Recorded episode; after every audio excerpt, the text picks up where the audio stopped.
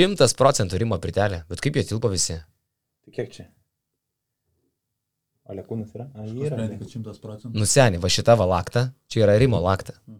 Tai va dabar, kurie matot nuotrauką savo ekranuose, gerbėmėjai sporto mylėtojai, tai čia yra Rimo Kurtinaičio pirtis. Nu gerai vyrai sėdė, ne? Mhm. Mes irgi ten sėdėjom kažkada. Ir Labai Keiveras- fainas prieangis. Pajungtas, pajungtas šitą lietuvišką tradiciją. Mhm. Įdomu žaidė žaidimą, kas paskutinis išeis. Ir Rimo ten. Kurtinaičio pirtis, tarp kitko, yra, turi vieną ypa- ypatybę ten. Rimas niekada neduoda daug karščio. Ten jisai sako, tu turi išlaukti, e, kol tau bus karšta. Tai žodžiu, pas jį ten yra gal šiam 5-7 laipsnių. Ir pagal jo filosofiją, tu A, negali gerti pirti. Ir B, turi sėdėti, kol tau realiai pasidarys karšta ir tu pavargsi ir turi išeiti. O Rimas stovi prie durų ir laiko, kad anksčiau laiko neišbėgtum ir neiš, neišsineštum garo kartą. ne, Šunis nestovi, paleist gali. jis nestovi, bet jisai, nu, ta prasme, su panieka veidė žiūri, kai tu jau išeini. Aš išėjau ir Kiek atlaikai? jauti žvilgsnį, kuris naičia, kad ne, tu Nuvylei. ne taip turėjai pasirodyti šitame reikale. Per myžnius. Jo. Va, sveiki įsijungę basketinius podcastą, mes e, šiandien esam e, nelabai standartinės sudėties, nes Jonas Miklovas e, šiuo metu yra tėvystės atostogose. Lisa- Tėvadienį pasėmė. Taip, prižiūri, prižiūri savo atžalą, padeda žmonai, tarp kitko Miklovas demonstruoja. Sakyčiau, kad e, labai rimtą tėviškumą. Maksimalus atsidavimas. Taip. Bet manau, kad toks ir turėtų būti tėvas, kaip tu galvoji. Nu, tikrai netoks kaip aš. Tai... Tu prastė. Paklausy Karolio, kaip tu galvoji. Tai aš dėl to su ta intencija ir sakiau, kad, nu, tau lyginti su Jonu turbūt jau nelabai Mm-mm. galima. Mm -mm. Tai va, tai reikia kažkaip atlikti šiandien Jono funkcijas ir jų yra nemažai. Gal pradėkime nuo to, kad mūsų BN pliusų sąrašas ir toliau yra neįtikėtinas. Mes turim per 3800 mūsų ištikimiausių žiūrovų, tų, kurie remia basketinius veiklą, visą veiklą ir netgi nusikalstamą veiklą. Ir yra nemažai žmonių, netgi dabar atsirado naujų, kuriuos mes vadiname milašiais, tai yra tuos, kurie turi milašiaus paketą išsipirkę, moka 50 eurų per mėnesį. E, Yra tokių jau senų vilkų kaip Mindaugas Vepštas, pasakom ačiū jam. Ačiū. Yra Sports News LT, yra Marius Milaševičius, Mačiūnai, Milaševičius, kuris prikelinėja prie nukrepšinį. Yra Paulius Tinteris, yra Simonas Plungė Lakeside Holiday Rentals. Man labai keista, kad jis vis dar yra pliusas, matyt, kad duoda kažkokią naudą tai, kad mes minim Lakeside Holiday Rentals Plungiai. Game Room LT, Marius UAB Isolita, Justinas Bakas, taip pat Fixas LT telefonų remontas, Lukas Kondratas iš Riedis LT, turi paspirtuką? Ne. Tai gali nusipirkti. Jonas Miklovas ir Jonas Lekšas labai gražus vyrai, toliau taip e, žaidžia žaidimus Marius Milaš, e, Leonavičius. Atsirado, pavyzdžiui, Play Pro LT žaidimų įranga ir Hebra. E, Aš žinau, kad su dantim jūs turit problemų. Tai yra Vytautas Ratkus, odontologas 24.lt. 4 valandas. Čia ko tau reikia, tu viską gali Šitai dabar žiūriu, mes turim telefoną, gali sutvarkyti taip. Riedis, e, išsimuši dantis paspirtuku, važiuoji į odontologą 24.lt. Taip. Kadangi dantis išdaužyti, gal ir koja sulaužyta, jau važiuoti nebegali, eini Play Pro LT, nusipirki žaidimų įrangą, sėdi namuose žaidimų. Ne, ir laiką. varai ir Lakeside. Jo. Reabilitacija. Taip, Reabilitacija. čia visiškai užkurtas. Galiausiai pas Milaševičių irgi sodyboje normali reabilitacija vyksta. E, Ten dar Su galiu. antibiotikais, e, aukšto laipsnio. Žodžiu, va tokia yra mūsų Milašė, aš net neturiu prie ko prikipti. Štai vyručiai. Tai ačiū visiems e, pliusams. Na, o šiandien mes tokį darom jau finalinį podcastą prieš pat Europos krepšinio čempionatą. E, Lukas to išvažiuoja į dalykus Rytoj. jau Rytoj. į rytoj. Lauktų varai su visais fanais kartu, ne? Ten, ben, ten, ta prasme, bendras e, komercinis reisas yra iš Kauna, Kaunas Kelnas. Mm. Tai ten turbūt, kad pasikurs nemenkai. Vakarinė programa. Vakarinę programą bet varau aš, Donci ir Tomas Vanagas mūsų iš Klaipėdas. Kur gyvensit? Kelne kažkokiam, žinok, viešbutukė. Jonelis paėmė, ne? Jo, basketinius paėmė. O Berlyne radot už normalią kainą po to. Jo, Jonas kažką yra radęs, tik tai aš dar nežiūrėjau kokios situacijos, bet kelne mačiau keturių žvaigždučių toks, manau, paimtas neblogai. Oho, įmonėlė. Taip. Pabūsit, pabūsit. Pasibūsim tikrai, o apie lėktuvo, tai aš manau, kad sakau, ten vakarėlį susikur, žinai. Va. Matai, sėklą negeria. Bet Cekla ar varo su mum gali būti, kad jisai varo su, su rinktinė ir su užsakomoje. Ai, nu aš Šito nežinau. šito nežinojau. Aš irgi varysiu į Berliną trim dienom iš tikrųjų, nuo rugsėjo 9 iki 12. E, Su gintarė mes pradėsim taip medaus mėnesį. Okay. Jo, tai, e, nu, aš kažkaip galvoju, reikia paimti jau gal geresnį viešbutuką. Vis dėlto medaus mėno. Bet dar nepasiėmei? Ar su jumis? Dar nepasėmei? Ar ne? Žinau, Suskubti? labai prastai, labai prastai. Neprastai, vakar žiūrėjau, ten pilna. Berlyne. Taip. Tikrai. Taip. Nes Jonas prieš tai žiūrėjo prieš pusantro mėnesio, gal prieš mėnesį, kad jau kainos ten, vienam viešbutėlį mes kalbėjome ir patkesti, kad devyniom naktim buvo pasižiūrėjęs modeliavo 120 tūkstančių eurų. Ką? Jo, tokia suma buvo. Berlyne. Ką tu čia O nusišai? tu kada žiūrėjai? Tu- 120 tūkstančių eurų devyniom naktim už ką? Taip, už- Kiek žmonių čia? E, Keturis. Keturi. 120 Jo, tūkstančių. tai mes dėl to ir žvengiam, nu kas čia darosi, kosmosas. Seniai, 6-700 per bookingą. Tri- Trys naktis dviem žmonėm. Tikrai. Tikrai? Nu, žiūrėk, nežinau, nebent toli nuo, nuo miesto. Nežinau. Bet šiaip Jonas buvo, žiūrėjom. Tada. Nu gerai, perėsim dar tada gal prie, prie to Eurobasketo. Mm, gal? Žinai, žinai, kur pigų tikrai buvo. Jūs čia kalbate apie tai. Vengrijai praeitą savaitę pabuvojau legendiniam Sombatėjui. Mhm. Apskritai mes leidomės oro uoste, kokio aš nesumatęs, kur e, čekinas vyksta, e, tu parodai bilietėlį ir lauki toj, toj bendriniai salėje niekur neini ir kai jau į lėktuvą reikia sodinti, tada tik tavo patikrina tos daiktus ir tau sėdi į lėktuvą. Nu realiai Ta prasme, nėra tokio kaip... tokio dydžio oro uostas. punkto normalaus? mūsų Ofisiukas. Tokio dydžio oro uostas. 40 kvadratų? Jo, Rimtai? jo. Yra kavinutė maža ir visus į lauką varo valgyti, nes nėra kur atsisės viduje. Oho, tai prasinešti lėktuvą daug ką gali. Po to vyra patikra tokia, prieš pat lipant į lėktuvą, bet šiaip, šiaip smagu buvo, skridom kartu su visa rinktinė, kartu ir fanai, ir atrodo su visais starais varai, ten JV, Sabonis, e, Grigonis, Brasdeikis, bet toks jausmas, kad tu varai ir didžiausias žvaigždė yra Vytas Mikaitis. Tarp kitko, taip visur yra, kur Mikaitis pasirodo. Ta prasme, visi Vyto bairius žiūri, visi stebi, pamato ten Valančiūnas, pamato Balčiūnas, visi juokiasi iš Vyto jau prieš pusvalandį keltų bairių. Ir irgi į priekį skrendam. Tokia situacija buvo. Džiavy atsėdo priekį per tris vietas. Ten kiti galė susi, susigrūdę ir einame su Vytu. Valančiūnas sako Vytui, sės prie manęs.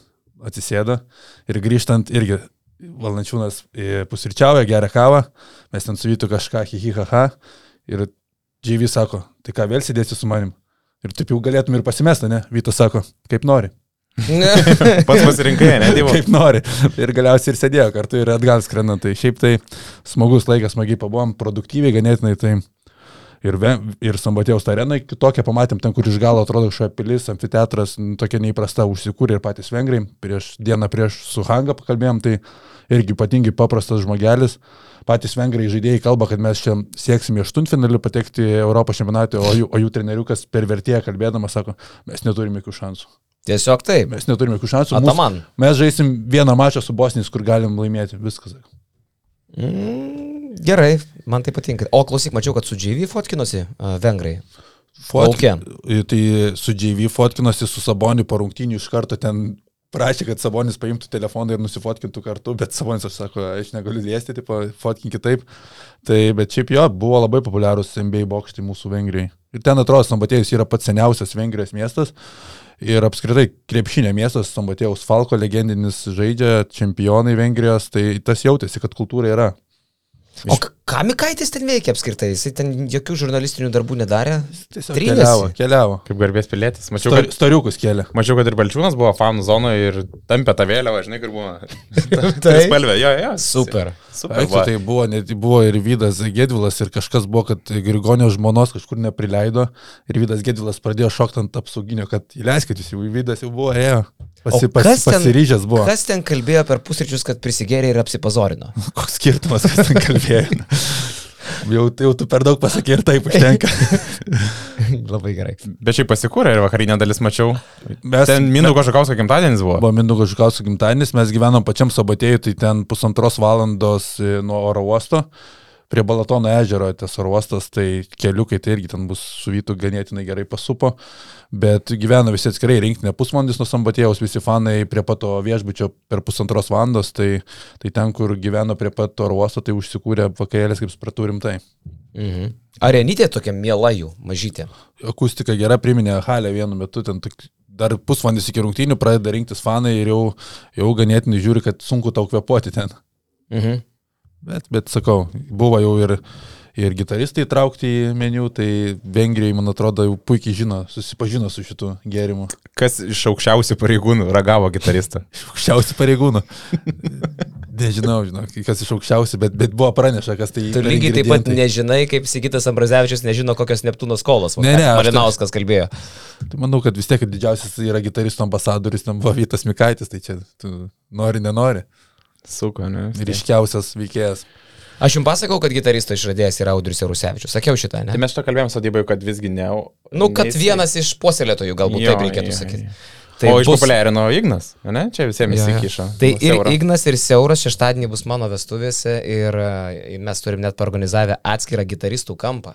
Bus sukami gitaristai. Aš įeinu į tą kampą. Be jokios abejonės. Labai gerai. Tai dar, dar žinai, prie tam podcast jūs kalbėjot, tai buvo klausimas, ar Kazis Maksytis žemiškiausias Lietuvos rinktinės treneris, tai nu, aš kuo toliau, tuo labiau to įstikinu, man tai neįtikėtina, kaip jisai gražiai sugeba bendrauti su visais aplinkui. Tai kaip žiūri, kaip paprastą žmogų, tu kalbėsi su juo kaip su draugu realiai gatvėje susitikęs. Tai Su man tas Kaziuku?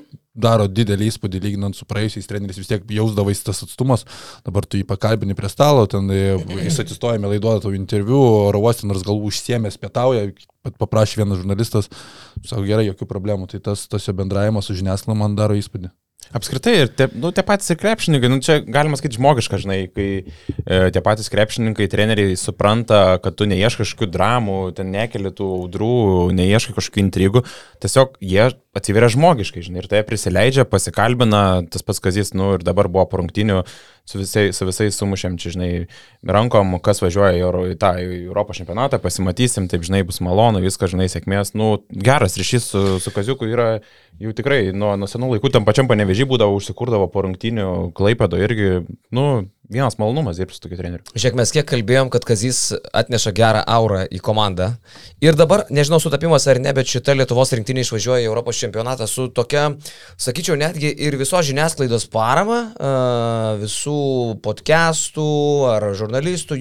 Nėra jokio spaudimo sudaryto, kažkokios presijos, kažkokio negatyvo, kiek galbūt daugiau ar mažiau jausdavosi tas stipriau anksčiau. Toks įspūdis, gal tai galima su Kaziu sėti, nežinau, kad jisai tą tokiu bendravimu e, padarė įtaką ir tam, jog e, tarp visų ir tarp žurnalistų ir komandos yra toks, nu, sakyčiau, labai jaukus, geras ryšys. Nepajutėt šito? Ar čia tik man iš mano varpinės tai pasirodė? Yra, yra ir šiaip labai laisvai bendrauja kiekvienas ir tie patys krepšininkai, kaip sakau, Maksytis, bet ir su žaidėjais, tu skrendi su vienu lėktuvu, tu laisvai su kiekvienu gali atsėsti. Ir čia jau yra Maksvyčio pergalė, nes tokiu būdu Maksvytis, e, na, nuima kažkokį tai galbūt e, negatyvą nuo žaidėjų, kurį jie gautų, jeigu, sakykime, santykis su žiniasklaida ten būtų prastesnis koks nors. Nu, aš taip tiesiog Ir spekuliuoju. Maksvyčio pats būdas gyvenime atsispindi kažkiek ir aikštėje, pažiūrėk, kaip rinktinė laisvai žaidžia, pats Domantas Sabonis pamačios jo atkalnyje, sako, pa- paklaustas, kad atrodo kitaip, daug laisvesnis, sako, viskas yra dėl trenerio, kodėl taip jaučiuosi. Tai,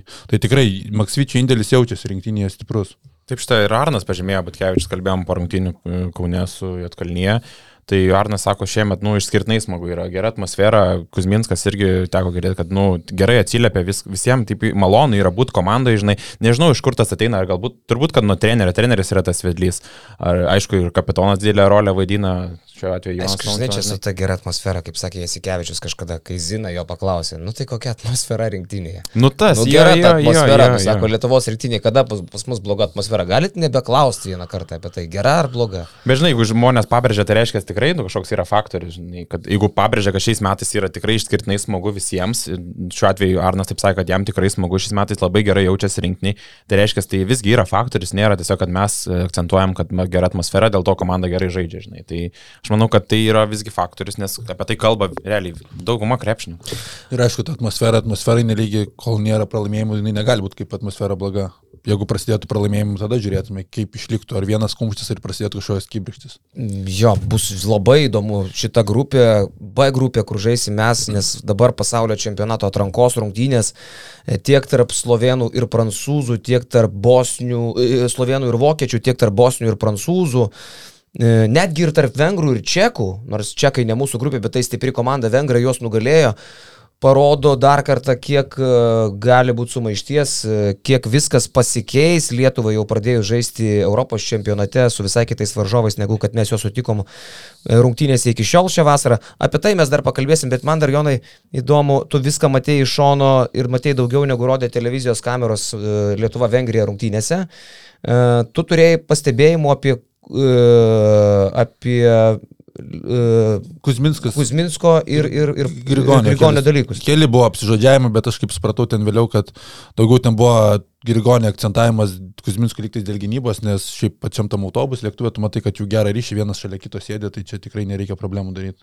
Jo, jo, jo. Tai va, nu, o Lietuva Jotkalnyje. Uh, Viskas kur, kur kas paprasčiau buvo, viskas kur kas aiškiau, nežinau, kokios išvalgos po tų rungtynių. Ką pasižymėjot? Man tik tai buvo ta pradžia toje keista, žinai, kad jie taip ilgai laikėsi atkalniečiai, bet viskas atsispindėjo tiesiog protokolė, žinai. Kad... Jie nėra bloga komanda šiaip jau. Bet viskas buvo, jie tiesiog buvo kovoj tol, kol jie pataikė tritaškis. Ten buvo pradžioj iki antro kelnio vidurio buvo 5 tritaškai iš 8, kas jau yra, tarkim, aukštas procentas, ten apie 60 e, ir su virš procento, o paskui jie baigė su, iš 27 pataikė, tai per likusią dualę tiesiog 2 iš, iš, iš, iš 12, žinai. Tai tas, kai tas susitvarkė ir susitvarkė gynybą prieš tos mažiukus gynėjus, kas buvo akcentas po ilgosios pertraukos, nes pats Kazis, kai pakeitė Roką Gedraitį startiniam penketę Arno Butkevičiam, Arnas išėjo, ant tos geros bangos pats užsikūrė, nuo gynybos kaip jis laiką pradėjo, susirinko 8 taškus, o jie atkarpojo, rinktinė laimėjo kėlinį 32 berots 15 ir, ir, ir nuėjo per vieną kėlinį. Šiaip net nustebino Butkevičiaus rezultatyvumas. Mes jį žinom kaip žmogų, kuris nerenka šiaip daug taškų, ne? Bet jisai pats sako, nu, aš esu tas, kuris kamalio nereikalauju, aš galiu rinktis tos taškus greitam polyme ir iš tų rizikų, ką taiko ir varžovai. Tai jisai susimetė vieną iš trijų tritaškių, vieną iš trijų tritaškių ir tas buvo, man atrodo, iš rizikos. Ir tam greitam polyme buvo 2 plus 1, paskui buvo dėjimas greitoje atakoje, nu tai buvo jo duona. Ir realiai visai smagu man buvo, išsinešiu už turrungtinį tokį įspūdį, kad Tai nu, nėra dviejų žmonių, nėra Jono Valančiūno ir Domanto Sabonio rinkinė, vis daugiau tų žaidėjų pasijungia e, į tą kolektyvą, kurie gali nešti naudą. Mindugas Kuzminskas dar vienas geras rungtynės, 15 taškų per 18 minučių, 2 iš 4 tritaškai, paskui tas pats Arnas Batkevičius 13 taškų, Marius Grigonis kaip pasikūrė irgi ket, iš 7 4 trajekai. Jau priminė Grigonis, tą Šilerio Grigonį. Jis pabiški jo pasikūrė, matosi ir ką Jonas akcentavo, kad jie apsižodžiavo galbūt ant su Kuzminsku kažką, bet tos diskusijos karštas vyko ir per pirmos du kėlinius su Jotkalnyje, žinai, e, labai daug nesupratimų, kaip gintis reikia, kas kada keičiasi su kuo, kaip reikia priimti vieną gynėją, kaip priimti kitą, kas turi pasitikti, kur turėtų turi stovėti aukštą, žinai. Ir Grigonis, sakau, ir tie 4-7 tritaškių buvo tokia geras impulsas ir matosi pats mėgaujasi net po kai kurių tritaškių ir tas Stefano Kari galbūt net tas e, šventimas pasišakinėjant, tai pasitrakaliojant. Tai matosi, kad pats Grigonis gerai įsilieja, pajaučia tą ritmą ir toks yra, grinai toks man pasijūtė, kad yra vicekapitonas po Jono Valančiūno, nes tikrai ir po gerų epizodų paskatina, pasidžiaugia ant suolo aktyvus, e, po blogesnių eina irgi į kontaktą, kalbasi, kodėl nepriemi čia žaidėjo, kodėl nepasikeitė. Šiaip panašu, kad Grigonio žaidimo pojūtis grįžta. E, vat mes apie tos jo tritaškius kiek kalbėjom e, nuo pat birželio, birželio 22 rungtynių su Latvija. Šiaip Grigonis iš viso šią vasarą sužaidė jau 12 rungtynių Lietuvos rinktinėje. Ir kiek buvo daug nuogastavimų, kad dingęs pojūtis, kad nepataiko tritaškių, buvo ir 0-5 su Latvijais ir 0-6 su čekais, ir 2-6 e, su suomiais, 0-2 su suomiais, paskui 0-3 su Niderlandais, bet Žiūrėk, su vengrais jau metė 7 trajekus, pataikė 3, 43 procentai, su juotkalniečiais metė 7 tritaškius, pataikė 4 ir tie tritaškiukai jau tokie stebekai, visą kitką jau tikrai primena tą pikinį Grigonį iki visų traumų, iki problemų prie Šilerio, kur mes uh, sakėm, va, su kokiu pasitikėjimu metą, kur mes kalbėjom, kad čia yra vienas geresnių gynėjų Eurolygoje, netgi buvo laikas, kai, atsimeni, tikrai drąsiai kalbėjom, kad top 3 SG Eurolygoje vienu metu, kai turėjo fantastišką uh, atkarpą. Uh, tai jeigu Grigonis vežasi tokį pasitikėjimą su savimi ir tokią formytę, tokį užtikrintumą metant tritaškius į Eurobasketą, e, nu ir ketvirtadienį mes jau galėsim to įsitikinti, tai man ramu, mes klausėm, ar jis užsikurs. E, daug vilčių turiu, kad jis jau užsikūrė, kad Grigonis grįžo. Man apskritai patinka Grigonio žaidimo neforsavimas. Jis žino, kad dažniausiai aikštėje bus trečia polimo opcija po Domanto ir Valančiūno, jis neskuba su metimais ir anksčiau jam, e, kai ir nebuvo tos geriausios formos, jis neskubėdavo su metimais, ramiai išlaukdavo, kuomet atsimetimai bus, tai dabar matome, kuo toliau, tuo geriau, procentai kyla ir atrodo tikrai, jisai į tą ritmą įvažiavo, e, kalbėjom apie Arną Butkevičių, tai galvoju, Arnas Butkevičius, Rokas Jekubaitis, Rokas Gedraitis, jiems apskritai yra malonumas žaisti su Domantu Saboniu, jie puikiai juda be kamulio, matome ne vienas įkirtimas baigėsi Domanto Sabonio rezultatyvių perdimų, puikiai skenuoja aikštelę Sabonis ir rungtynės su Atkalnyje dar kartą buvo galima įstikinti, kokį mega starą Lietuva turi. Pagaliau, kai rungtynių pradžioje Sabonis pats nusėmė kamolį, per visą aikštę persivarė per nugarą, persimetė kamolį ir pelnė taškus iš pokrepšio. Tai tikrai ganėtinai nuvertinamas varžovas Atkalnyje, bet sakyčiau, kad man šitas mačas labai patiko solidus, nes Atkalnyje rinktinė yra solidi ir matyčiau ją kaip vieną iš tų juodų arkliukų, turi tikrai gerą startinį penketą. Jeigu turėtų Vučevičių, tai būtų, būtų, sakyčiau, tarp tikrai, na, top 10, top, bent top 12 komandų. Ir, ir gera repeticija buvo ruošiantis mačiui su Slovenija. Kendrikas Perė, aišku, netokio lygio gynėjas, kokį sutiksim su Slovenijoje, bet aukštaūgiai Dublevičius, Marko Simonovičius, Čikagos Bulls padraftintas metantis iš tolėjo aukštaūgis. Tai matėme, aiškios problemos gynyboje dar išlieka, tos pick and roll susikeitimai ir, ir mažiukų atakavimas perimetre, taip pat pick and popai Simonovičius nesumetė metimų vienas iš šešių tritaškių, bet čia nespėja, čia Jonai Valančiūnai yra sunkiausia, kadangi jisai dažniausiai dropina ir prie aukštų ūgio nespėja grįžti, tai čia gali būti problemų ir galbūt net modeliuos savo starto penketą, galvočiau su Slovėnas Kazis Maksvytis, ką paminėjo ir spaudos konferencijoje. Šimtų procentų. Kad, kad e, kartais prašysime galbūt ir vieną iš MBA bokso, kad pradėtų rungtynės ant suolo, tai žinant, žaidžiant su Slovėnais, nu yra labai svarbu neleisti pajusti ritmo Luką Dončičių ir jeigu tu iš pat pradžių dropinsi prieš e, Dončiaus ir Taubai pick and rollus, pick and popus, tai nu, gali turėti labai dėlių problemų, tai galvočiau, kad tai turėtų būti rungtynės pradėti Sabonis ir galbūt pradžioje jį išmušti sustepautų, kad jis nepajustų ritmo, nusimestų tą pirmą perdavimą ir tada jau žiūrėti, į, įeidinėti Joną Valančiūną į rungtynės, nes kaip Rokas Jokubais pamačio pasakė, kad nu, puolimu mes nelaimėsim prieš slovenus, reikia, reikia gynybos, nes žinome, kad slovenai nėra gynybinė komanda, bet e, jeigu juos pavyks tik pradžiui sustabdyti, manau, kad viskas gali būti gerai, nes ką ir parodė mačas su Vokietija, Slovenija, Vokietija, kad nu, ne viskas gerai rojui. Mhm, čia gerai. 56 atkovoti kamuoliai prieš 27, kur galim pasakyti, kad Vokietijos priekinė linija nu, tikrai nėra stipresnė už Lietuvos. Čia, čia Lietuvoje bus didžiulis pranašumas ir svarbiausia yra sustabdyti, neleisti pasijausti gerai Dončičiui, neleisti gerai pasijausti Goranui Dragičiui ir matėme, kad nu, Slovenai vėl mano čempionate bus patys nemėgstamiausi, pamatėm rungtynėse su vokiečiais, tik kažkas pradeda nesiekti, kiekvienas, po kiekvieno šilpuko apeliacijai teisėjus, nors ir tai galiu pasakyti, kad teisėjai daug leidžia, ypatingai prieš Luką Dončičiui, jisai vienas e, pavaidinimas iš karto švilpukas ir kol kas yra labai mylimas FIBA teisėjų, nors čia žinom, kad žaidžia Europoje, ne NBA, kaip yra traktuojami visai kitaip teisėjų sprendimai. Jo, bet ir, žinai, ne vien tik tai Dončius, visa Slovenų komanda tokia linkusi pultant teisėjų kypti į akis, lyginti situacijas, nors patys kartais gal gauna tiesiog, kaip sakoma, forų, pats polime gauna vienai, paskui jam gynyboje nebesušvilpė, žinai, prieš jiem besiginant tų pražangų, tada varžovai kimba į atlapą, žinai, teisėjim, kad lyginkite su to situacijas, jeigu šitaip traktuojate vienai pusė, traktuokite šitoj pusė, žinai, tai tas lindimas į akis jo labai krenta į akis ir atrodo, kad per daug, bet žinai, e, kai pažiūri, Dončius puola akis teisėjai, paskui nuvaro, žinai, iš 9 metrų trajeką įmeta ir toks, žinai, vėl, ir, ir, ir vėl pirmas akis būna į teisėją. Va, žiūrėk, žinai. Koks aš geras turėk, turėk, ir toks, žinai, kai pažiūri, žinai, kai būna, tarkim, tas galbūt žaidėjas įsikraunant teisėjo, nuvaro į polimą, žinai, ir kokį nesąmonę, žinai, sukuria. Bet šitas žaidėjas, sakau, apriekia teisėją, e, kemba į akis vos ne po kiekvieno švilpuko, bet nueina į polimą ir padaro, nu, tai, ko, kas, nu, kelia žavesi, žinai, nu, tiesiog nesuvokiamai, kai kurie metimai būna ir tokie įkrenta, žinai, tai tiesiog yra jam pagarba, bet dėl to lendimo akis, nu, labai krenta. Wunderkindas. 23 metai Dončičiui, tai mes, žinai, turim suprasti, kad kalbam apie labai jauną žmogų. Žiūrime tos krepšininkus, kartais reikalavome iš jų ten kažkokios brandos ypatingos ar ten inteligencijos, visą kitką, bet čia yra jaunas pacanas, kuriam pasaulis pokojam. Taip, taip, tai pažiūrėk, Vokietijoje prieš rungtynės kažka, kažkokį bandė fintą atlikti su marškinėliais, metė į viršų, užkrito ant konstrukcijos, pakybo, jis žiūri tiesiog, ką dabar daryti. Nu, tokie matosi, tas, kaip branda, jis dar toks jaunatiškas, matosi, tokių dalykų nori iškrėsti, kur, nu, vyresnis ir subrendęs krepšininkas taip nedarė, žinai, ir, ir paminėjai tą jo amžių. kiek buvo susirinkę žmonių prie Audidom arenos e, Vokietijoje po rungtynių, nu, tiesiog jūra, ir kai tu galvoji, 23 metų bičias jau tokį lygį pasiekęs, kad tiesiog, nu, plūsta žmonės, plūsta fanai su marškinėliais prie rungty, prieš rungtynės, po rungtynių, paprašyti žmogaus, e, žinai, parašo ar nusifotkinti, tai kokią reikšmę šitas žmogus turi pasaulį, nu, tiesiog kažkas tokio.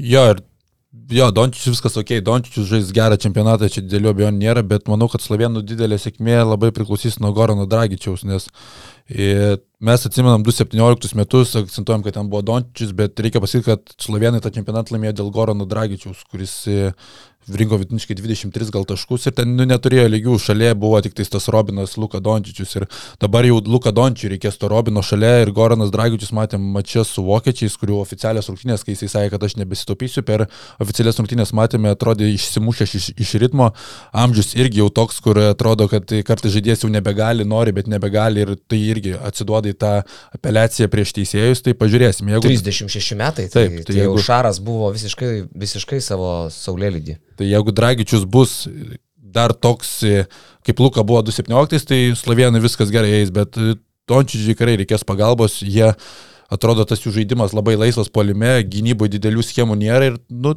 to talento gali ir neužtekti vieno Dončičiaus, kad jis laimėtų tų čempionatą. Tai čia bus irgi labai įdomu, tas pirmas mačas irgi gali daug nulemti, nes tokie pralaimėjimai, oficialiuose rungtynėse labai būna dviprasmiški. Jeigu tu pralaimi prieš pat čempionatą, kartais tai komanda supurto ir kitose rungtynėse jie parodo visai kitą veidą, o kartais po pralaimėjimo seka dar vienas blogos rungtynės ir pažiūrėsime. Ir lietuviams svarbiausia bus, sakau, pirma rungtynių pusė ir neleisti pajusti žaidimo, nes galima atsiminti pernai jau Kaune 52-52 po dviejų kelnių, viskas atrodė kaip ir neblogai, bet lietuviai negalėjo apsiginti ir tai yra slovenų žaidimas.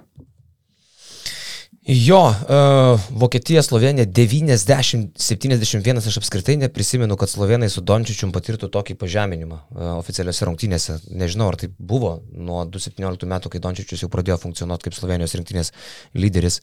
Uh, tai čia prieš grupės kovas aš manau, kad mums tik tai dar neramiau turėtų būti. Vokiečiai su daugybė problemų neturi daugybės žaidėjų, galėtų būti ženkliai stipresni. Taisas grįžta.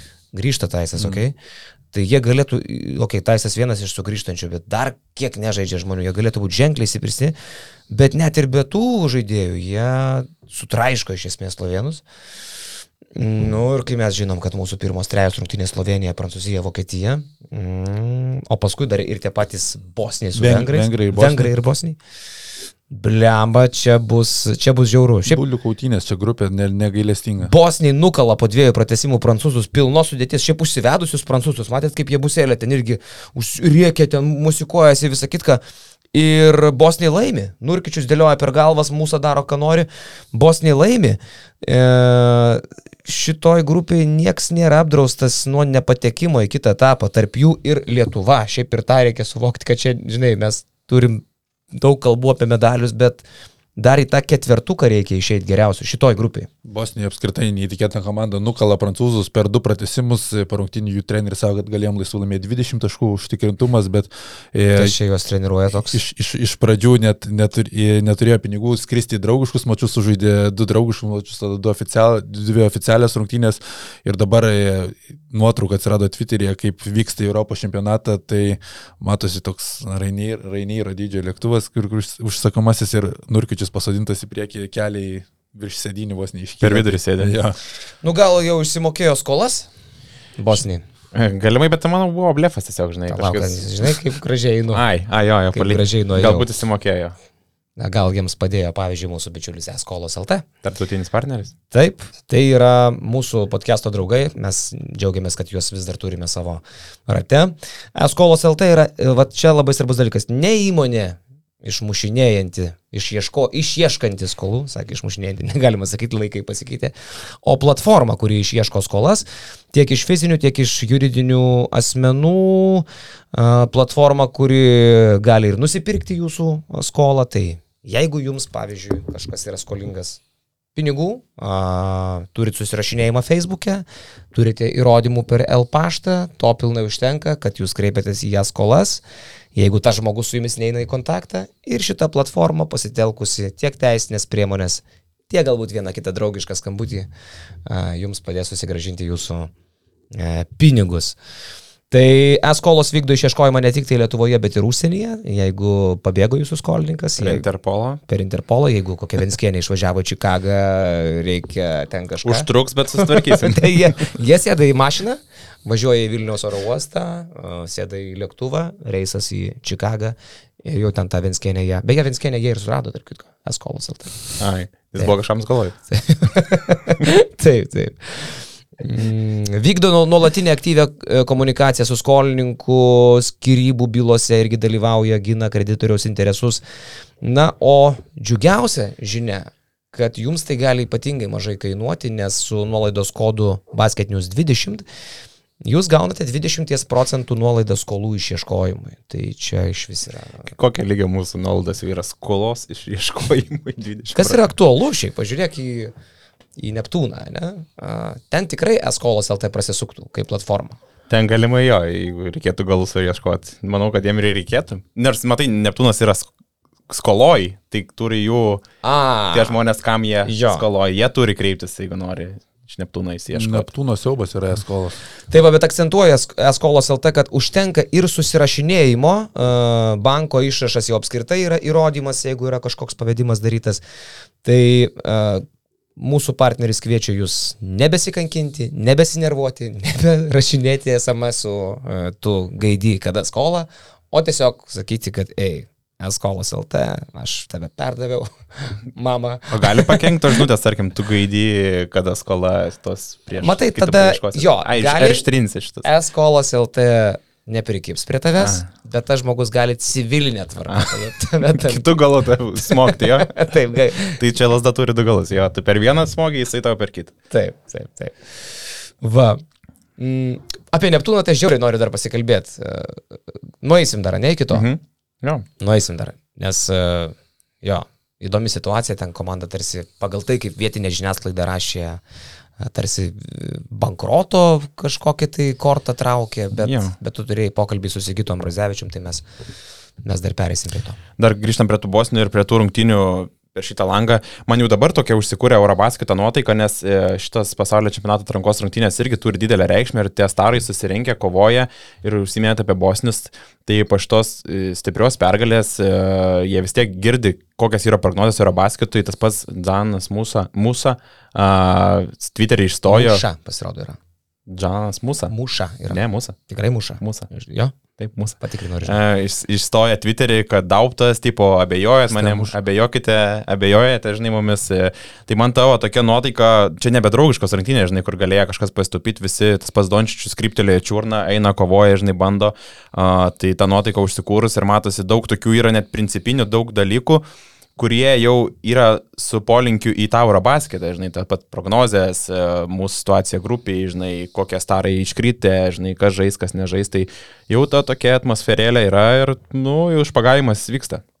Jo, dar grįžtant, jeigu apie Lietuvos pasirašymą, 9 pergalės, 0 pralaimėjimų, čia apie tos varžovus daug kalbėta, bet man yra tik tais pora klausimų likę, tas emocinė faktas, kad lietuviai be traumų ateina į čempionatą, matant, kiek yra kitų netikčių, yra labai gerai, bet e, man labai įdomu, kaip rinktinė atrodys e, prie minusi, minusinio, prie deficito. Sorry, kodėl sakai 9-0? 9 pergalės, 0 pralaimėjimų. Nuo birželio? Septynios, septynios draugiškos ir Septynios dviejos draugiškos. oficialios. Jo. Aš kodėl aš 12 rungtynių suskaičiuoju nuo birželio 22? Ne, tai čia nuo Ne, birželio, bet čia, čia praeitas ten ta langas. kita rinktinė buvo. Praeitas langas. Ai, nu ok, bet buvo ten Grigonis, tarkim, Buvo, bet, buvo nu, tų, jo. tokių. Mhm. Tai šita rinktinė neatsilikinėjo niekada antroje rungtinių pusėje, nekalbu apie dviženklį deficitą. Tu išvardinai, kokie pirmi trys varžovai laukia ir aš praktiškai nebejoju, kad bus tokia situacija, kada lietuviai tikrai atsilikinės ir reikės lipti iš tos balos. Mes nepamatėme, kaip rinktinė atrodo stresinėse situacijose. Kitas dalykas, man labai neramina atsarginis žaidėjų salelis. Ir Mes turime praktiškai 7-8 žaidėjus, dėl kurių mes galim būti ramus, bet e, Apie 12 galim pakalbėti, jo. Ir Tai man, pavyzdžiui, paskutinės dvi rungtynės oficial, oficialūs mačai, Ignas Brasdeikis jau nebuvo toks užtikrintas, kaip buvo su Ispanais, mes galėjom pasakyti, tai irgi manau, kad tas žaidimas jos viruos, tai yra natūralu pirmas, dar net sezono nepradėjęs Europoje, tai, tai žiūrėsime, kiek tų bangavimų bus pačiame Europos čempionate, bet faktas, kad jie bus neišvengiami. Lukas Lekačius toliau dar viena didelė mislė, ar jisai spės atsigauti, ar mes matysime tą patį Luką, kokį mes matėm praėjusią sezoną Eurolygoje, bet galbūt net ir su forma jam yra sunku įeiti po tokio varginančio sezono, po to ilgą laiką nesportavo, tai klausimas, ar jis ją pagaus. Taip pat ir Eigirdas Žukauskas turėtų būti svarbus rinktinės žaidėjas, ypatingai dengiant varžovų lyderius, bet ketvirtoje pozicijoje uždengiant minutės, bet irgi dabar dabar ateina po traumos ir tas pirmas mačas prieš Jotkalnyje, keturias minutės ir nu, matos, kad irgi nepanašu dar į save. Šiaip Lekavičiaus skaičiai tai yra, na, hmm, nu, kraupus. Uh, nu, paskutiniai penki mačai - 0, minus 3, 3, minus 5, minus 3. Nu, čia taip jau sakyčiau, jau kelia klausimų, kas yra, ne? Uh, O šiaip yra atsakymų, kas yra Lukui, nes mes čia tik tai spekuliuojam, sakydami, kad sunkus sezonas, didelis krūvis. Tai čia nespekulacija, pats Kazis. Betgi buvo pertraukai. Kazis Maksvylis sakė, kad e, ilgą laiką labai nesportavo po sezono, nes buvo jo vestuvės. Ir tai mėnesis laiko galbūt gavosi be krepšinė, praktiškai prieš pat e, pasirašymo startą pradėjo sportuoti Lekavičius, tai galbūt jau kažkiek sunkiau, plus žinom, kad Lekavičius yra pati stiprybė, kuomet jisai fiziškai jaučiasi gerai ir jeigu iš jo atimi greitį, iš jo nieko nu, labai daug praranda. Čia ir žalgiriukui klausyk signalas, nes po Eurobasketo jis tikrai negryž švieži, šviežesnis. Kita vertus, jeigu, kaip sako Kazys, kad e, pertrauka nei nauda išėjo, Tai gal žaidybinį ritmą pagaus. Labai užtikrinti, kad jis jaučiasi dėl jo, sako, mes žinom, kad Lukas duoda ir mes matome jo, jo treniruotės ir tikime, kad Europos čempionate viskas bus gerai, nes nu, tokio žaidėjo nuo suolo kilančio labai reikia, matant, koks yra trumpas šis, šios Lietuvos rinktinės suolas. Turbūt, nu, daugiausiai tų klausimų, ką tu minėjai dėl tų stresinės situacijų, įdomu, kaip seksis kurti komandai žaidimą, tai šitoje šito situacijoje, nu, kol kas Rokas to pagrindinė žaidėjo rolė pakankamai taip sekasi skirtingai, bet jis įsivažiuoja, 10 asistų su Jotkalnyje, 4 su Vengrija, bet labai svarbu, kad yra toks Domantas Sabonis, kuris su Jotkalnyje išdalino 7 asistus ir tų kuriejų vis yra kitokių, nu, pas pats Marius Grigonis gali pasitarnauti. Taip, palauk, čia kino teiginys buvo, kad Domas bus daugiausiai Miklo. asistų atliekantis Miklo. žaidėjas Lietuvos rinktinė Eurobasketė. Tai dabar ir yra. Nenustebino, taip. Visi sakėm taip. Ja. Tai dabar ir yra, jo, jo, jo. Tai va, tai sakau, man dėl tų stresinių situacijų įdomu, kaip Rokui seksis susitvarkyti su tą rolę, žinai, bet tu, tuomet pažiūrė į tą sudėtį, yra Domantas Sabonis, kuris gali kurti Marius Grigonis, ką minėjome, įeina į ritmą irgi, pasistai po penkis, ten buvo su Vengrais berots pasirodymas 10-5-5, uh, tas pats uh, gali išdalinti dar perdavimų. Tas pats JV. JV gali. Prasme, jisai ne tik tai gerai nusimetinėja kamuolius, mes taip, daug šnekam, bet jisai gerai ir domui įmetinėja. Ne vienas buvo, ne vienas situacija, jo, jo. Tiksliai įmeta kamuolį baudos aikštelę. Tai va šitas visas paveikslas pamažu pildos ir sakau, ką minėjau prieš tai, Arnas Batkevičius turėjo gerą grajų. Minukas Kusminskas įsivažiuoja po traumas. Apskritai, apie tos ta... asistus šnekant, pažiūrėk, kiek daug situacijų, kur mūsų kamuolys tiek užsivaikšto, geri pasai, pasai, pasai, kad atrodo, mes net jau užsižaidžiam, turim kelias opcijas mesti, net nebemetam jau į krepšį galiausiai, nes tiesiog mėgaujamės tais pasais, kaip jisai juda per visą penketuką. Taip, bet Kevičius ir sakė, kad e, galbūt mes kartais net per daug ir sukertam į visai baudos aikštelę ir tada ne, kaž, kažkuris iš kažkurio sukirtė, atimam perdavimą iš didelio, iš sabonio ar tai iš valandžiūno atskriejantį, tai dar vis dar to reikia ir norisi, kad dar tą sabonį mes dar labiau veiklintume, nes su juo skodimu į priekį nuo pat atsikovojus kamalį po savojo krepšių tai yra kažkas vau tiesiog stebėti. Štai dėl palimo absoliučiai nesijaudinu šitą rinktinę, matant, man didžiausi klausimai yra gynyboje. Ir tai yra faktas, kai tu turi daug štus žmonės, dažniausiai naudoji ketvirtų, penktų sabonį su Jonu Valančiūnu, perimetrį irgi be Arno Butkevičiaus irgi nėra tokio stabilaus gynėjo šitoje rinktinėje, tai tų spragų pasitaiko ir nu, čia bus didžiausias klaustukas, kaip rinktiniai seksis čempionate, ar pavyks gynybos tas problemas apspręsti kažkiek. Faktas, kad jų bus su dviem aukštais, bet kiek manoma labiau jas reikia sumažinti. Labai smagu, kad Kristupas Žemaitis prasimušė į dvyliktuką. Čia aišku, turbūt e, nebe Luko Lekavičiaus prastesnio žaidimo. Tokį saugiklį reikėjo Kazį Maksvyčiui vežtis į Eurobasketą, bet kai pagalvoju, kad Kristupas Žemaitis dar ką tik buvo uh, prienų peržiūrai. Ne? Prienų buvo pas... Ir nepra... irgi šeškų žaidė kelis mačius iš karto dublerių. Bet... bet nepraėjo realiai. Tam po to Buvo vasara po Šiaulių, kada jis skolino kėdainėms, kad vienintelį Lietuvos Dzukyje rūpiučio vidurėje jam patikė pasiūlymą. Ir tai Nedas Pacevičius dar turėjo, kaip girdėjau, krepšinis net podcast'e turėjo išprašyti. Padirbėti, kad Kristo pažymaitis atsidurtų Alitui. Iš Alitaus į Lietkabelį, iš Lietkabelio į tokios sudėties Lietuvos rinktinę, kur mes sakom, kad čia na, viena stipresnių komandų per kažkiek tai laiko.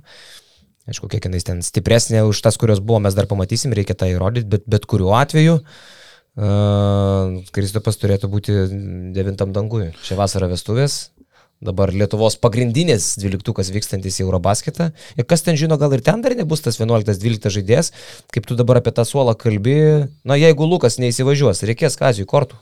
Jo, Kristo pagrindinis pranašumas yra, kad jisai prieš bet kurį važiavo, kurį žaistų, jisai žaidžia visada taip pat, tame pačiame lygyje, jam lygių skirtumas didelės žaidimui įtakos nedaro, gal, gal tai nėra tiek talentingas žaidėjas, kiek kiti mūsų gynėjai, bet, bet jisai visą laiką išlaikys tą, tą patį stabilumą, kas yra labai svarbu, o kitas jo pliusas, kad jis yra aukštas žaidėjas ir tas aukštas žaidėjas tau gali labai padėti gynybui gerai, spausti kamuolį ir panašiai. Taip, vyriukai. Na, o aš tai noriu dar priminti, kad visas Eurobasketo kovas kviečia žiūrėti mūsų Hebrytė, uh, Gedimino prospekte 9, įsikūręs Food Hallas uh, G9. Uh, žiauriai geri televizoriai, buvo nuvažiavę vyrukai, sakė, labai minkšti krėslai, kažę, daug vietų, a, tai kepa pizzas, daug alaus rūšių, kas tau, Lukai, pripažink, būtų labai svarbu, jeigu tu būtum. Taip, Lietuvoje. jeigu turėčiau galimybę, būt, būtų galimybė. Šiaip gerą pagerintis, vad ką aš noriu. Aš pagerintis, o tu Šiaip, tai jau ne. Aš, tu, aš ne. Aš iš vis, nu, santūriai šitą naudoju. Tai va, tai galėsit ir Santūriai futbole G9 žiūrėti, galėsit ir ne. Daug nuotraukų dabar prieš savo akis galit matyti, kaip tik primenam, kaip tai atrodys. Tai e, Dešimt didelių televizijos ekranų, užtektinai vietos visiems, įvairių šalių virtuvė, kiekvieno skoniui, bus ten ir basketinius hebrytės turbūt atvyks, tai visus mūsų ir podcast'o žiūrovus kviečiam Eurobasketo kovas stebėti Vilniečiams Vilniui Gedimino prospekte. Dar galim pabrėžti, kad turbūt ir po tų rungtynių mes planuojam paleisti podcast'o laivą, ne? Per, per projektorių. Tam pačiam bare. Toks yra mm, planas. Mm, jo, ką kalbėjom. Jo, čia jau aišku, užbėgant į, į priekį dar galim pasakyti, kad po Apie kiekvienerių rungtynių, Lietuvos rinktinės rungtynių mes, aš, Lekšas, turbūt ir Augustas Šuliauskas, gal ir Rokas Jamagrajauskas ir kiti, pasijungsim ir darysim podcastų laivus, tai yra iš karto ant karštųjų su keiksmažodžiais, su pasipergyvenimais. Su alučiu. Su kažkiek alučio tikrai gali ten būti. Darysim live podcastus, tai mm, jau pirmasis bus šį ketvirtadienį, iš karto po Lietuvos ir Slovenijos rungtynių. Va, na, o uh, ką mes dar apie slovenus ir uh, prancūzus? Vokiečius turbūt jau pasakėm daugiau mažiau viską. Jo, manau, kad iš tų atrankos rungtynių, ką galima būtų išskirti, Serbijos ir Graikijos mačą. Ten ta prasme, fenomenalus. Serbai sugeba laimėti įmetus Janių 40 taškų, ten Jokičius irgi karaliavo, įspūdinga atmosfera, ten jau atrodo, kad tikrai čempionato, rungtinės čempionato favoritai žaidžia. Ir dabar labai įdomu, pavyzdžiui, graikai, jie atrodo įspūdingai, kai Janis taip žaidžia, bet dabar keturi pagrindinės sudėtės žaidėjai iškritę dėl traumų ir yra klaustukas dėl jų. Kostas Lukas, Papa Petrau, Papa Janis ir Kostas Antetokumpo. Tai tikrai keturi svarbus rotacijos žaidėjai ir jeigu taip nepavyks jiems atsigauti, Plus žinom, kad yra trumpas turnyras ir tos, ta forma ir svarbiausia pagauti ant Europos čempionato, po traumų, kažin kaip jie atrodys, tai apsunkina graikų šansus. Tai tokia situacija atsidūrė graikai, jie ir Vaitudis sakė, kad jie važiuos su 13-14 žmonių į Italiją ir, ir ten spręs dėl galtinio dvyliktuko, nes realiai, kad tik keturi žaidėjai dabar yra ant klaustuko.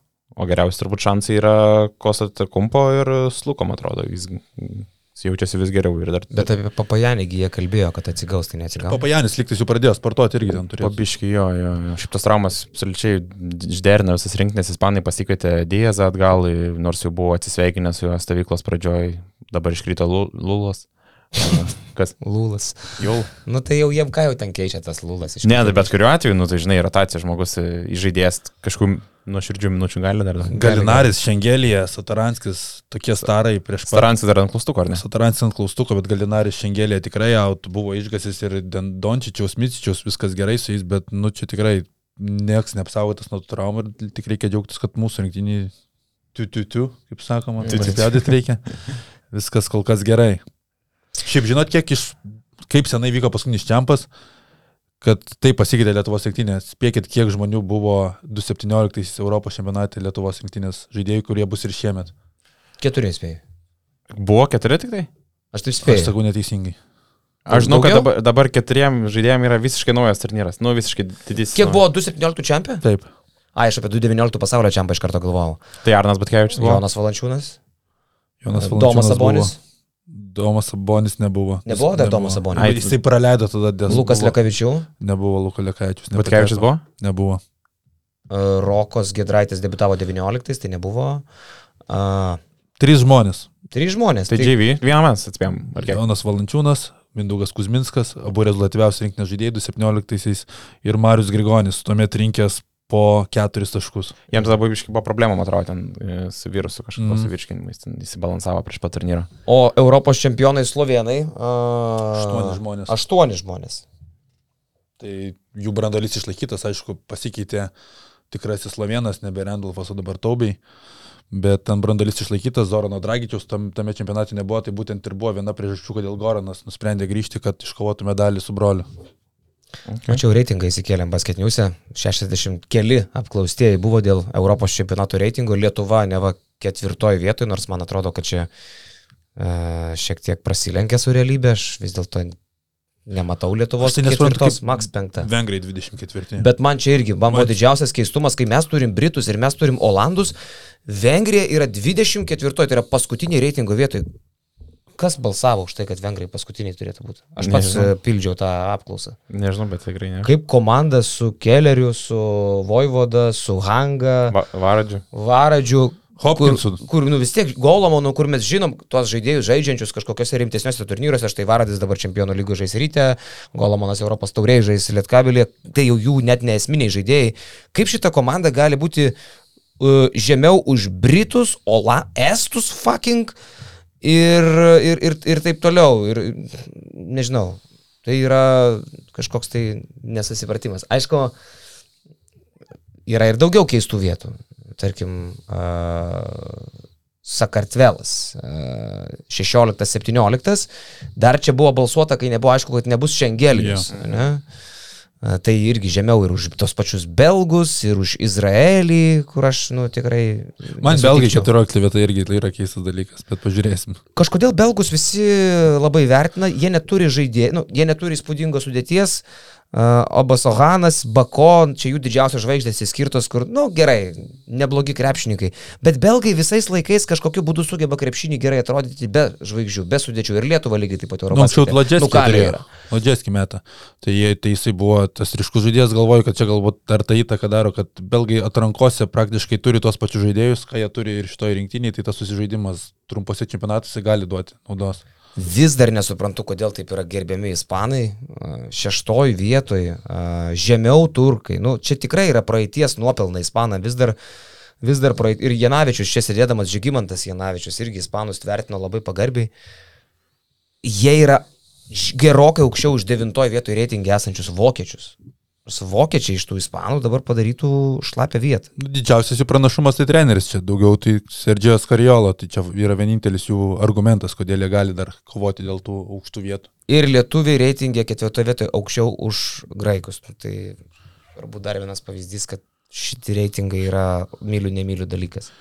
Ten labai pirmas penkios komandos išskirtos labai per kelis taškus, tai čia tai pasiskirsto irgi labai subjektyvus dalykas, manyčiau. Bet Kad slovenai pirmi viskas aišku, Europos čempionai viskas tvarkoj. Aišku, aš taip galvoju, kiek čia mums dabar gali nei naudą išeiti, kad juos taip sumalė uh, vokiečiai. O gal ir į naudą, gal kerta truputį per galvą, per pasitikėjimą savim tokiam kaip Manau, kad tas supurtimas prieš pat čempionatą jo, turėtų biškai juos 20 papurtyt. taškų tu gauni į skūrą, jo? Aš manau, kad į naudą labai turėtų išeiti, žinai, kame, tame, kad Lietuvos rinktinės treneriams yra didelė medžiaga, medžiaga pasiruošimui, kuomet varžovai pralaimi, kuomet jie varžo, varžovai taip pralaimi, yra žymiai daugiau pasiruošę, negu kai slovenai triuškina estus.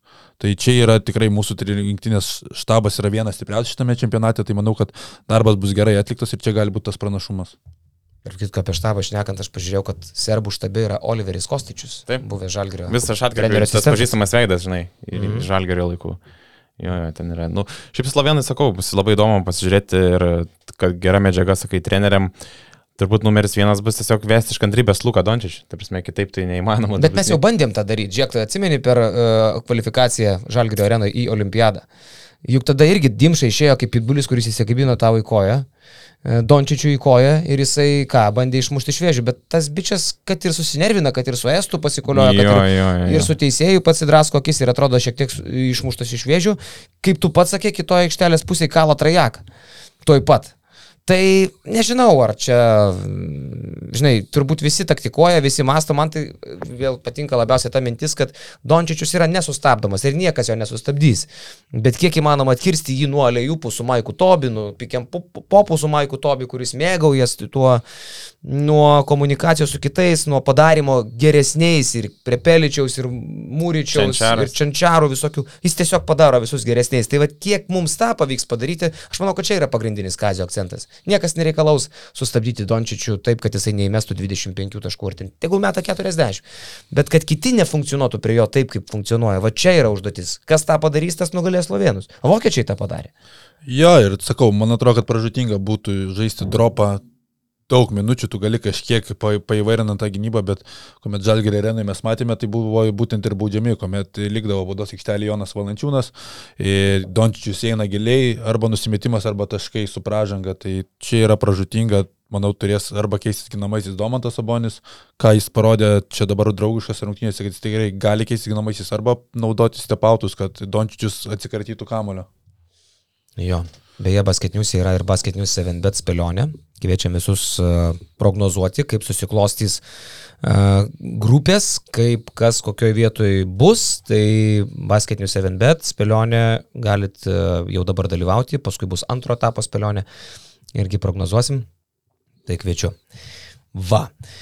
E, galbūt tiek. Laukiame Eurobasketo, komentuoju jau nuo pirmų, ne? Nuo pirmų dienų jo, tai išsirinkau šiaip dar rugsėjo 1, 2, reikia pasakyti, kad pirmas rungtynės, nes A ir B grupė žaidžia rugsėjo 1, rugsėjo 2 žaidžia C ir D grupės, tai be Lietuvos ir Slovenijos mačų, sakyčiau, dar 3 tokie mačai, kur bus tikrai reikės atkreipti dėmesį ir turėtų būti lygio prasme įdomu, tai be abejo Prancūzija, Vokietija, jau pačią pirmą dieną po Lietuvos mačo su Slovenija, ten ne, nebus laiko polisiauti, toliau Graikija, Kroatija, Pažiūrėsim tą tikrą Janio lygį turnyrę, pažiūrėsime, kaip atrodo kruatai, ar tai nėra daugiau mažiau išpūstas burbulas. Ir manau, kad ganėtinai svarbus mačas. Kad niekas neputė to krato burbulo. Visi kaip tik čia sako. Bet kokiu atveju tai yra atsiveža NBA žaidėjų visas, visas polėjų, tas e, lygis yra e, iš NBA kalibro krepšininkai Šaričius, Bogdanovičius, e, Zonė. e, Zubacas yra, tai tikrai stipri komanda, pažiūrėsime, kaip atrodys čempionatė ir e, A grupės mačas, kur galbūt lygio prasme jis nebus toks, bet tai ganėtinai svarbu Lie- Lietuvai ir ganėtinai bus reikšminga, kaip įsidėlios pozicijos, tai Turkijoje atkalnyje. Aš sakau, kad Jotkalnyje atrodo, kad kažkiek yra pernelyg nurašoma, manau, kad gali duoti gerą kovą turkams, kurie va, prieš čempionatą irgi nuo Serbos likinė 21 taškų, pasivijo, bet galiausiai pralaimėjo, beviltiškas pralaimėjimas Latvijoje, tai yra klausimų ir dėl turkų. Kaip Dėl sak- turkų visada Eurobasketė yra klausimų. Tarp kitko, turkų serbų akistatoje Mitičius prieš Larkiną žaidė, tai čia irgi toks mm. įdomus kampas. Bet tai Larkinas gavo ir kritikos, mačiau, kad net išstojo. Kad keturis metimus jis metė. Jo, jo, jo. Tik nu, tai- keturis metimus. Bet žmogus, matosi, žinai, jis pats aiškiai išstojo Twitter'ai, kad tai aš FS, nu, aš Larkinas FS ir aš Larkinas e, rink- rinktinė yra du skirtingi žmonės. Nu, blemba specialiai nuėjau ir pažiūrėjau visus tos grajus prieš tai, kur Larkinas žaidė rinktinėje. Nu, jis normaliai tų metimų atlikdavo kaip FS. Ten 10-12 tų metimų. Bet ten atrankoje pats- nebūdavo Osmano visų tų NBA žaidėjų. Jo, aš pats šiaip Mm, rungtynių mm, nemačiau, okay. okay. tai sunku pasakyti, bet ta prasme, tas, ta kritika jau prasidėjo, žinai, nuo pat atrankos čia. Ir e, tie išstojimai, Atamanas skambiai išstojo, kad e, mes irgi padarėm klaidų, mes turkai padarėm klaidų, bet FIBA turi įsivertinti ir teisėjus, žinai, kas irgi su tais teisėjais, nu, tebesitėsinti tokia, žinai, drama buvo prieš tai ir, ir Serbija, Graikija, kai baudas, baudas pas graikus metė tik tai pats Janis. Žaidė 45 minutės su pratesimu, rungtynės, Janis 10 iš 14 baudų, vienintelis žmogus metė iš Graikijos komandos. Tai tų klausimų vis dar yra, serbai metė 17. Tai jau ir bus apie tos teisėjus. Čia teisėjai bus problemų, čia reikia nusi, nusi, nusiteikti, kad tiesiog tai bus, nes tiesiog teisėjaus ne geriausi Europos teisėjai. Bet turėsim tris lietuvius, galim paminėti irgi, kad bus e, Gvidas Gedvilas, Tomas Jasevičius ir Gintaras Mačiulis. Mačiuliui debutas bus Europos čempionate, uh, Jasevičius jau ne, ne vieną kartą yra švilpęs. Berots ir Gedvilai, jo, ir Gedvilai, Gintarai, ir, Gintarai Mačiuliui ir Gvidai Gedvilai debutas bus Europos čempionate. Gerai. Tai sėkmės jiems, sėkmės ir krepšininkams. Pasimatom jau mes uh, podcast'e mm, pirmą dieną, tai ketvirtadienis. Nu, o dabar pačiai pabaigai gal. Uh, kas čia su tuo Neptūnu? Ką tu ten išsiaiškinai? Valandą laiko žmogus Sėdėjo. Nu, ne valandą. Nu, gerai, pusvalandį. Na. Bet aš, ta, aš tokio įkyraus Luko Molinausko aš nebuvau girdėjęs. Jisai paskambino Sigitui Amrazevičiui. Bet aš neįkyriai, aš, nu, bet tu kaip tu diplomatiškai. Ne, nepaleidai, eik tu savo. nu, bet, nu, tiesiog aš klausiu savininko, kuris, nu, vienas iš komandos savininkų yra, jisai aš klausiu, kiek yra skolų, nežinau. Nu, tai, Tave suerzino. nu, tiesiog kaip tu gali nežinot skolų, kai tu esi vienas iš tų žmonių, kuris diena iš dienos gyvena tom aktualijom. Gyvena tai, ko Neptūnas gyvena, žinai. Tai aišku, kad žino. Taip, tai bet tai kam tada, žinai, nu... Bet gal nežino tikslių skaičių, kad Tai bet e, gerai, operuoti. pre- preliminariai tai galima pasakyti, žinai, tai, tai ką pavyko išklausti? Taip, kad, nu, jie kai atėjo, ten buvo pusantro milijono skolų, per tuos dviejus metus jie nusimetė ten apie pusę skolų, tų, tai apie 750 yra likę, 700. Nu, o tas, tas bankroto, tas, ta, tas šleifas toks, nu, ne, ne šleifas, kaip sakyti, bankroto ta tema, kiekvieną vasarą jau 3 metus išėlės, jinai sukasi. Ir jinai, pasak paties Sigito, tai yra iškeliama į viešumą ne, ne, paties, ne iš paties klubo, o tiesiog žurnalistai vietiniai ten.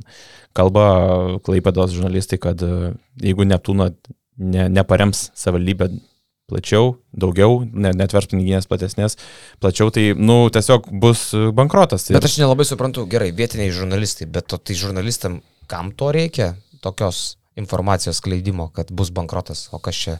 Ko Gal čia žurnalistam naudinga? nuovargis, nuovargis pačioj Klaipėdoje, nes realiai dabar e, pastarosius dviejus metus turbūt pusantrų to postumė tokio ir nėra, nes e, jie atėjo, e, nauji dalininkai pasėmė tas, e, prisėmė tas pusantro milijono skolų, jie kažkiek padengė ir paskui prasidėjo pandemija.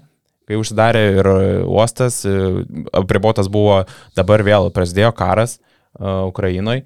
Vėl tie patys žmonės kenčia nuo to tranzito nebuvimo, yra, kaip pasak Sigito, tie verslininkai vietiniai apkronami mokesčiais, kurie tiesiog stabdo žmonių iniciatyvą ir norą remti sporto klubą. Tai daug tokių dalykų sėda ir sako, mes dabar mūrdamės pastarosius keliarius metus, pastarosius dviejus metus tokiam, nu, nei pirmyn, nei atgal. Tiesiog esam ten, kur ką pavyko per tuos pirmosius dviejus metus pasidaryti, tai tos sumažins skolas nuo pusantro iki ten 800-750 tūkstančių. Tai ir ta bankroto korta, aš, aišku, šitą jau ką mes girdim kiekvieną, kiekvienas metus. Buvo pernai, buvo užpernai beros 20 metais, tai dabar vėl šiais metais, nu jinai turbūt tikrai neteina nu, iš niekur ir pagalvoji, sakai, tu irgi, kad, nu, kodėl žurnalistam reikia kelti kortą. Uh, ir girdisi tokių iš paties klubo, aplink klubo tokios nuotaikos, kad džiaukitės, kad mes tą klubą dar tęsiam, čia darom su kažko su juo, žinai. Tai tokias, tokias nuotaikos, sakau, ne pačios geriausias ap- aplink patį Neptūną, nors jie būrė tą komandą, eina į priekį, pristatė šiemet, ši- šiandien dabar tą remėją, 7bet e, pradėjo juos remti. Tai sakau, daug prasilenkia su tai, kas eina aplink klubą ir kas eina iš paties klubo. Tai kažkur vis tiek yra teisybė, žinai. Ir kalbint, nu, sakau, kalbint Sigitą, nu, tokios negauna nieko konkretumo. Kodėl, tarkim, jie, no, jie nori e, įsileisti savivaldybę, kad savivaldybė pasimtų kažkokią paketinę dalį uh, pačių akcijų ir kad jie dalyvautų tam valdyme ir kad skirtų didesnę paramą. Taip. Jie akcentuoja, kad e, Vilniuje ir Kaune ta parama yra didesnė kur kas, e, net ne vien tik piniginė išaiška, tos tie du klubai turi arenas, nu, rytas dabar turi tik nuo praeitų metų areną, Žalgeris operuoja ją ir uždirba iš arenos daug pinigų, tai tos procentinės dalis pačiam biudžetai yra kur kas didesnės, nei galbūt mes tiesiog lygintume, kad tarkim, jeigu Kaunas skiria 3 milijonus berots e, ar kažkas tokio. Taip, taip, taip. Ir ten kaip iš 11 milijonų, ten, nu, ta procentinė dalis yra, ten, nežinau, 30 procentų, virš 30. Ir, e, o tiesiog nenauda yra daug didesnė. Taip, nesivertinus areną, kuri, kuri yra valstybės dalykas, o, o žalgiris Klaipėdoje tiesiog jiem reikia, naudoja, tai reikia, suma didesnė. aišku. reikia, reikia nuomotis ją, tai papildomi kaštai, gal net apie 150 tūkstančių per sezoną. Tai aišku, daug tokių dalykų ir tas, sakau, tas, tas politikos kišimas, tokios, žinai, kad jis norim įsileisti savivaldybę ir tada politikai, ką sako pats įgytas, nori komandą priimti jis po savivaldybės sparnu, bet galop, kai ateina balsavimas, e, tas pasikeičia ir nu, būna atmetamas ta iniciatyva. Mhm. Tai toks, nu, sakau, daug intrigų ir mes galim prisiminti tos e, ankstesnius metus, ankstesnius metus, kad Klaipadai tų intrigų daug buvo savivaldybė ir toks, nu, ir nėra, ne, ne, neaišku, kur yra ta teisybė. Tiesiog daug intrigų aplink tą klubą ir labai keista man, kad tokia mieste negalima kažkaip sustarti. Bet kažkur šuo pakasas, nes anksčiau teko girdėti, kad yra klubui, klubas su, su tiek skolų, nu, nėra naudingas savivaldybei prisimti. Ta prasme, nes jį reikia išgelbėti, tarkim, klubą, ne? Kad savivaldybė būtų, tarkim, ilgalaikė tam paramos davėja ir, tarkim, tą klubą po kažkiek laiko, nu, iš, iš, išnulinti iš tų skolų, kas nėra savivaldybė, aišku, naudinga. Šiuo atveju turbūt, nes klubas tiesiog, nu, tiesiog ne, nebespindi tais tai, kaip, kaip, kaip, kaip anksčiau. Nėra tas atvejis, kad dalininkam atsisakius ten arba sumažinus savo paskolas, nes dalininkai kažkaip šiais laikais labiau tik tai skolina, o neremia, kad tų skolų ten praktiškai neliktų arba liktų labai minimaliai. Šiaip nežinau, aš tų skolų grafiko ir pats detalaus to plano nežinau, žinai, kam jie yra skoloje ir taip toliau, bet aišku, Bet kad dalin, dalininkai skolina, ar jie remia tą klubą. Tai priklausomai jo, nuo, dalininkų jo, bet sakai, ta forma jo, paskolos forma jo pakankamai gai Lietuvoje ir yra Neptūnė šitas Tai dalykas. fantastiška forma, aš vis dėlto galvoju, kad tai yra nuostabiausias dalykas. Dar dažnai, dažnai būna, kaip Jarutis yra pasakos ir su procentais vėliau atgauni. Tai va, jo, jo, jo, tai, Tai kitaip sakant, tu investuoji ir, ir vadinėsi klubo ten remėjų. kad ten- tau pinigai Kaip nenuvertė. galima tokį žmogų vadinti tada remėjų? Aš nebesigį kalbu apie bet ką. Kai turi skolinį pinigus ir nieko Ir čia ne vien Neptūnė šitas yra, jeigu. Jo, jo. jo, jo. Nežinau, nu, keista, keista. Lietuvoje, sakau, įsibajojo tokia kažkokia keista forma e, remimo. Net nėra remimas, tarkim, žinai, tu tiesiog, kad pinigai nenuvertėtų duodi klubui ir paskui sugražinės procentai. Tai va, tai. Ir tas, sakau, metai iš metų girdisi aplink tą Neptūno tokių dalykų ir tie dalininkai lyg patys gal dėl norėtų jau išeiti. Girdisi kalbu, kad gal kažkokie konkretus žmonės norėtų nusimti nuo tų dalininkų, tiesiog kas, kas nors perimtų šitas dalis, atsineštų pinigų, padėtų šitam klubui atsigauti. Ir, ir, o tie žmonės, kaip sako, galbūt net pasitrauktų tiesiog, nu, uždyką atiduoti, bet tik atneškite klubą pinigus. Čia gal pajūri įprastas tas negatyvas, kada atsi- atsimet, kada buvo palangos verslininkams gera vasara. Nu, čia Taip nėra čia- buvę tiesiog. Nu, nebūna taip. Aš žemelio vietoje galbūt jau Neptūną tada pirkęs. Gera arena, geras miestas, šansas pritraukti remėjus, šansas žaisti Eurolygoje turbūt greičiau negu su nauju klubu. Nepasakyčiau, žinai, bet Klaipadai, nu, tarkim, yra išsisėmęs, e, išsisėmus finansinę atžvilgį, žinai, lubas aiškis, o žemelio, žinom, tikslą vis tiek galbūt tai nėra vėl, gal jis neapsiribos tie- ties Vilnium, žinai, galbūt išsikels tą klubą į tą patį, galbūt, žinau, į, Fra, į kažkur kitą šalį, žinai, Tai į apie tai Vokietiją arba į Londoną, kadangi žinai. žemelės akivaizdžiai nesikoncentruoja tik į Vilnių, tai būtų galima tikrai tą komandą bet kur nusipirkti. O šitas, kiek, šitie mūsų konkret, konkretus klubai Lietuvoje, nu, kiekviena mieste jau yra aiškus klubas, koks gali būti biudžetas, aišku, yra skolų kupara, ten jau, žinai, ne, ne po 100 tūkstančių, ne po 200, ten jau iki apie milijoną, žinai, visą laiką tos skolos eina, žinai, tai, tai pirkti Klaipados Neptūną, aišku, jeigu su dėlėm investicijom ir pats žmogus atneštų ten kažkokią didelę dalį, tai būtų, aišku, ženklus postumis, bet e, pirkti, kai žinai, kokias lubas ir kai patys komunikuoja nuo, nuo klubo, tie žmonės yra aštuoni dalininkai, jie komunikuoja, kad mes vos nesam priklausomi nuo politinės situacijos. Dabar yra karas Ukrainoje, mes kenčiam šitos padarinius, paskui buvo COVID, susidarė uostas, vėl dalykai, žinai, mes nuo to esam labai daug priklausomi ir kai šita, visi šitie dalininkai turbūt, e, nesu tiek įsigilinęs, bet visi turbūt šitie dalininkai yra priklausomi nuo vieno dalyko, žinai, tai kai, jeigu jam blogai, tai iš karto ir klubai blogai, tai nėra tokio įvairia, pasiškumo tarp pačių, pačių, pačių tų dalininkų, žinai, kad būtų kitko- skirtingi verslai. Dabar žiūriu, Neptūno sezonas rugsėjo 26 prasidės rungtynėmis namuose su Kauno Žalgiriu. O taip. Taip, taip. Jau yra LKL tvarkaraštis, kažkaip tai ne, nemačiau šito. Ir draugiškos dabar prasideda, visi jau po truputį žaidžia. Tai Neptūnas var ir sužaidė su, su rytu vienas rungtynės praeitą savaitę. Neptūnas pralaimėjo 70-79 berots. Mhm. Ir ten ką, Fosteris suėdėjo. 29 naudos Fosterio. Klausykit, vyruko, visai pabaigai, ko net važiavote į Nickaus e, krepšinio O bičiulių tiksliai, susitikimą? Pasakau, kaip ten sekės. Fantastiškai. Šiaip aš negalėjau, nes šeštadienį darbų buvo. Tai Ja. aš žinau, kad ten geruoju nesibaigs. Uh, baigėsi geruoju šiaip. Aš tarp kitko atvažiavau, turiu prisipažinti, praleidau oficialią dalį, nebuvau pačioj toj visoj įteikimų ceremonijoje, ten kvietė į sceną, Jonas Radzevičius vedė kaip senais gerais Krepšinio bičiulius. Viskas tokiu vintage, vintage stiliumi. Muzikinis teatras, Kaunas, pu- puošnus ponai, Jonas Radzevičius veda, operos solistai dainuoja, ten kažkokios operetės vyksta, dainelės tokios kaip, žinai, keturiasdešimt Ir kaštonų visi- žalių. Nagi, naratataratatara. laikymų Tas toksai. ta, ta, ta, ta. E, Parke kaštonų nėra. Nesijauti keliaudamas laiko Aš mašina. nebuvau toj Laiko mašina, į 95. Jo, bet aš atvarau į muzikinį teatrą, apie pusę dešimt, tai jau buvo šiek tiek pratuštėję, bet apie šimtą žmonių dar buvo. Vis dar žinai. Salėje, vis dar ploja, ar jau, jau vakarinė dalis? Puikiai ploja, nes vyksta vakarinė dalis ir grupytė groja dainelės, bet tokia, žinai, rock and roll, Viški senio, senesnio stiliuko, bet šikarnai, žinai. Ir sukasi poros, e, ir prezidentas Vydas Gedvilas judesi, ir visi linksmi, ir irgi šeškus savo rytą, madam sukinėja, žinai. Uh, viskučio, nu, va toksai, žinai. Ir Redas vaikšto, sveiki, bičiuliai. Nu, Sveikas, sveikas, Visus, visus priima. Jo. krepšinio bičiuliai. Jo, visus priima, visą kitką. Greitai baigėsi, apie 11 val. galiu. Ai, viskas. Nebuvo- Afterio nebuvo? Nekvapa. Nu, buvo, kiek žinau, dar ten Hebra paskui, kas pasiorganizavo, žinai, kai Ignas Grinevičius dalyvauja. Nu, čia jau iš karto. Tai mane Ignas ir sako, tipo, Ignas kooperuoja, mes važiuojame, žinai, iš Vilnius. Jo. Aš jau iš karto supratau, kad čia geroji, žinai, nesibaigs. Jo, jo, jo. Nes reikėjo būti čia galvo. O tai iš krepšinio garsenybių, kas tokie buvo, tarkim, garsiausiai už tie personas. Nu, tai turbūt, kad Virgi Šeškus, aš taip sakyčiau, bent jau ką aš mačiau, nes kai aš atvažiavau, žinau, kad dalis buvo išvažiavęs. Pavyzdžiui, buvo Milašius, e, Remigijus LKL prezidentas, bet jo jau nebuvo, kai aš atvažiavau. Rinkinė žaidėjai nebuvo. Ne, iš... Ai, Saulis Štombergas buvo. Mhm. Iš to, ką pastebėjau, tik atvažiavau. Ai, Rimas Kurtinaitis užėjo. Toks, jie. A, gerai, už Ja, tai. bet taip jo, aš tiek ir te mačiau tenai. Tai visi krepšinė bičiuliai čia. O tai kokios Jo. krepšinio problemas buvo pakeltas? Ką?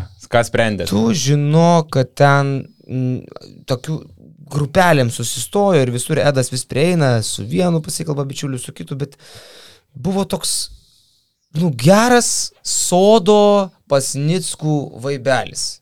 Tikrai jaukų. Tai nebuvo nieks labai oficialu, nebuvo kažkas to, nu, va, toks, žinai. Jis tikėjosi, man atrodo, 400 žmonių, nu buvo 170. Oho. Tai 400 Bet čia buvo pirminis užmojis 400, man atrodo, lyg tai kalbėjom dar kažkada. Paskui buvo dupiam, bet vis tiek, nu, tipo, nemažai. Ne, nu, tai stipru, vis tiek susirinkti tiek bičiulių. ir dar tu pavėlavai, tarkim, sakykime, nu, tu galbūt jau buvo anksčiau, žinai. Aš pamiršau. Tu sėdėjai namie ir tiesiog... O, Tai- ne, ne, man, man paskambino Grinežius, kur tu esi, o kur aš turiu būti, pasnicko. Oh, blemba. Dėjai smokingą. Aš nuvariau su šortais ir maikiai iš tikrųjų, nes aš... Dar su šlepetėm per pirštą. Taip. Ai. Pasirodė visų gražu. Nu jo. Dar suvėlavęs. Nu jo. Tai va, tai gal šitą linksmą gaidą su mūsų brangiu žiūrovu jau mes ir atsisveikiname. Ratatyra. Ir uh, sekit Basket News YouTube uh, video turinį, nes uh, dabar mes kosmosus leidžiam tiesiog šiandien jau C grupės apžvalga išeina rytoj D. Uh, live podcastai, daug uh, interviu iš vietos. Uh, čia labai svarbu akcentuoti, nes kiekvienam mieste Europos čempionate turim bent po žurnalistą. Išskyrus Prahą. Išskyrus Prahą, nes Miklovas Galimai dėlto- kol kas, kol kas jo, kol kas neturi. kol kas neturim. Jo, bet, bet gal jis dar atvažiuos. Galimai jo. Tai labai daug video turinio, labai daug interviu tiek basketnews.lt, tiek basketnews.com. Uh, spėkit tik tai viską sekti. Metų renginys. Metų renginys. irgi bus dalykų, turbūt, žinai. Mes, mes planuojam, tokia yra mintis, kad kažkokių iš mūsų kelionės nuotykių, žinai, iš, iš Eurobastą kelionės nuotykių vis pametyti Euro- tą BN pliusams, kažką duoja tokio, ką mes ten veikiam, kuo užsiemam. Mm. O užsiemam tik tai darbais. Tik tai darbais. Taip. Tik tai darbais. Ačiū. Ačiū. Baigiam. Žiūrėkit, kokią lentelę turiu. Tai čia vat ir palaikinkit, ir prenumeruokit kanalą. Nu ir aišku, BN Plus nariais tapkite. Ginesa dar, ne? Ne visi. BN Plus, ten daugiausiai visko.